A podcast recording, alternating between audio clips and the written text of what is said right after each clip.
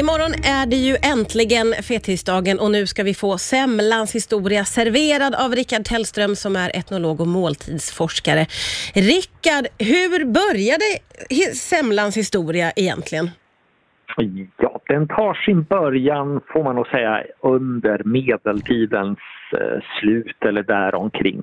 Och den är en höjdpunkt under den tre dagar långa fastlagsfesten som började igår med fastlagssöndag. Idag är det faktiskt bullmåndag eller korvmåndag och imorgon fettisdag eller mardi gras eller karneval eh, om man så vill. Ja, just Så det är tre festdagar här nu och semlan är, det som är viktigt med den det är att det är finsiktat vetemjöl. Eh, och semla kommer från latinets simila som betyder just finsiktat mjöl. Så att det är ett annorlunda bröd mot det bröd som man alltid annars åt som var ett ganska grovt bröd. Mm. Så att därför är det här då en festhögtid med fett och finsiktat mjöl och andra godsaker. Men själva semlan var egentligen bara, låt oss säga, en bulle då från början? Jajamensan. Det Det, var- är helt enkelt ett franskbröd, en, en vetebulle. Men som var lite extra den- festlig ändå?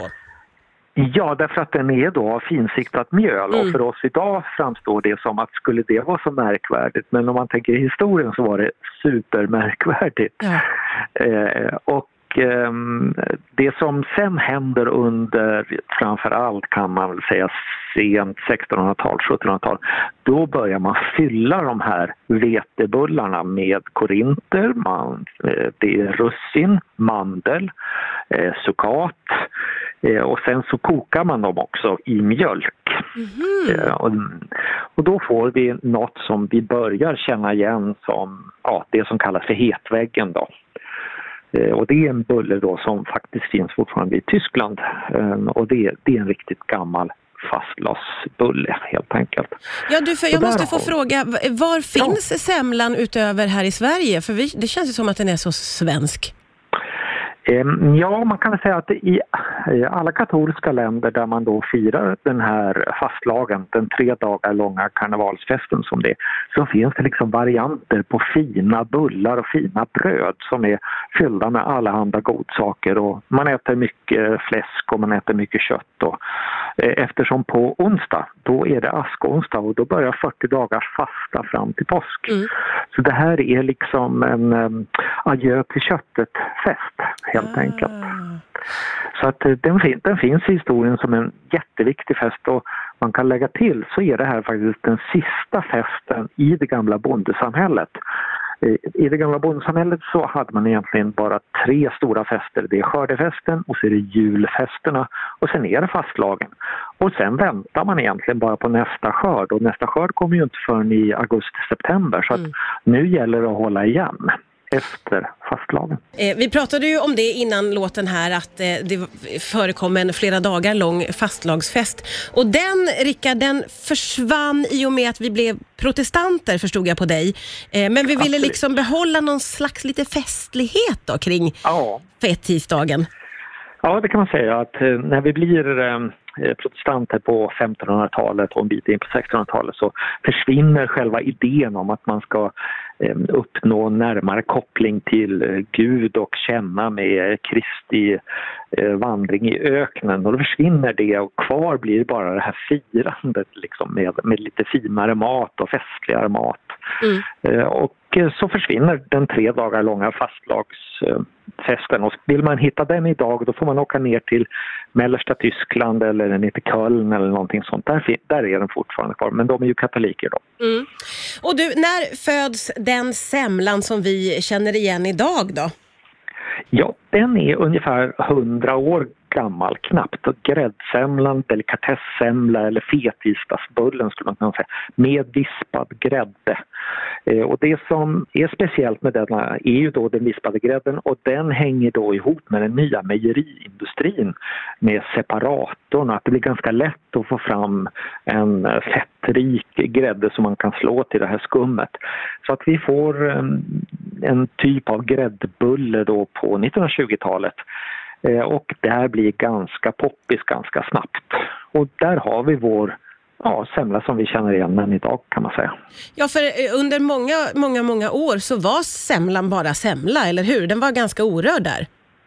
Den var ganska orörd ända fram till ja, början på 1900-talet. Och man kunde pudra den med kanel och socker, man kunde fylla den med sukat och pomerans, citron och kummin och så vidare. Mer alltså som en syltbulle eller någonting sånt. Men sen då på 1920-talet, förmodligen är detta i Skåne. Så där kommer då den här fluffiga mandelmassa gräddhistorien till. Eh, och eh, vad skulle du säga är det som har hänt de senaste 20 åren då med semlan?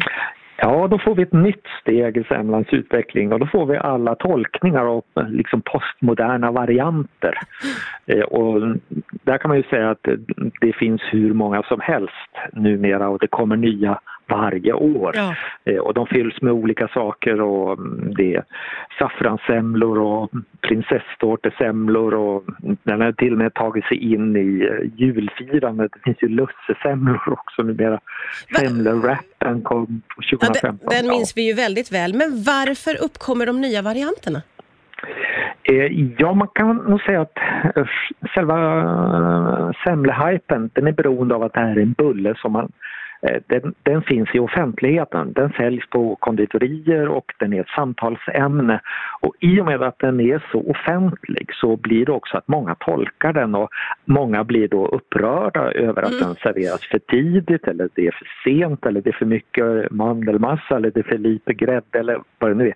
Och det hänger just ihop med att det är en offentlig bulle eh, som är ett samtalsämne också. Eh, och det är ju mycket speciellt med den. Men det finns ju alldeles säkert rätt och fel även vad gäller semlan. Du ställer dig ganska positiv till nytolkningar och uppstickare du Rickard, förstår jag. Ja, men jag är ju matkulturforskare så jag gillar ju när det händer grejer på matkulturens område så jag tycker det här är kul. Och, eh, hur påverkar det då att det kommer alla de här varianterna och märkliga och konstiga och ovanliga semlorna? Man kan säga att det är som i marknadsföring i stort, att alla de här nya varianterna som bara lever ett, två, tre år, de stödjer själva huvudprodukten, det vill säga gräddsemlan. Så att ehm, den, man kan säga att gräddsemlan lever också på att eh, omtolkas och så vidare. Så får vi den här stora hypen under några, några veckor.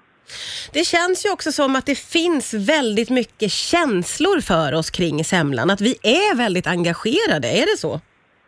Jo, men det får man nog säga. Den är ju i det offentliga rummet och sen är det också så att mat är någonting som alla människor kan prata om. Det är som vädret ungefär. Mm. Och det är ganska okej okay också att ha starka åsikter, alltså att vara kraftfullt fördömande eller kraftfullt hiss, eh, att man hissar semlan till mm. höjderna. Så det är liksom okej. Okay. Så det gör att den är, den är ju väldigt rolig att prata om också. Man kan förfasa sig gemensamt och det, också, det är ju trevligt. Ja, det är ju roligt faktiskt. Eh, men du, de här nya varianterna då, skulle du säga att de liksom hjälper till att hålla kvar intresset vid gammelsemlan i långa loppet? Jo, absolut. Det är det som vi ser med chokladkakor och kaviartuber och liknande. Alltså att eh, industrin tar fram nya smaker, inte i syfte att de ska bli kvar utan att vi inte ska glömma bort själva grundprodukten. Ja. Chips och chipsmaker är väl också ett sånt här typexempel där man jobbar på samma sätt. Ja, just det. Väldigt smart. Får jag fråga Rickard Tellström, hur äter du helst din semla? Eh, jag äter gärna en kokt hetvägg och då vill inte jag ha någon vispgrädde i den för då blir det för mycket. Så att jag vill ha den här liksom ålderdomliga, jag gillar den med mycket bröd. Sukat gillar jag också alltså gamla smaker. Det var ett sant nöje att få ha med dig här idag. Tack snälla Rickard Tellström för att du var med på Rix FM. Tack för det.